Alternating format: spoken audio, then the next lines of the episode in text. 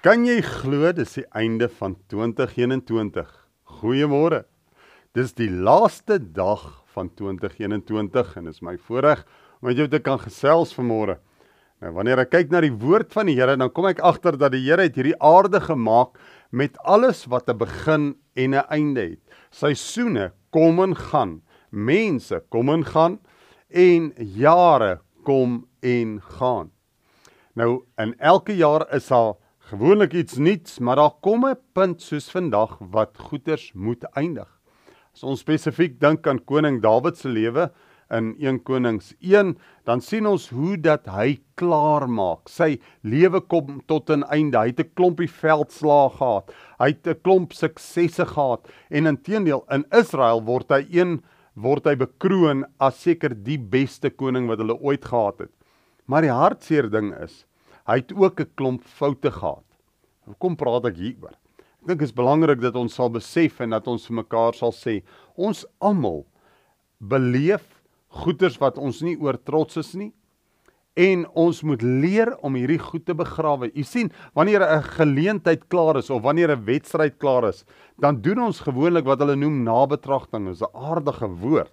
Maar nabetragting beteken ons kyk na die tyd terug na dit wat gebeur het en dan wat ons doen is ons besluit wat was nie goed nie dat ons dit nie weer gaan doen nie en dan besluit ons wat was goed wat ons kan vorentoe vat.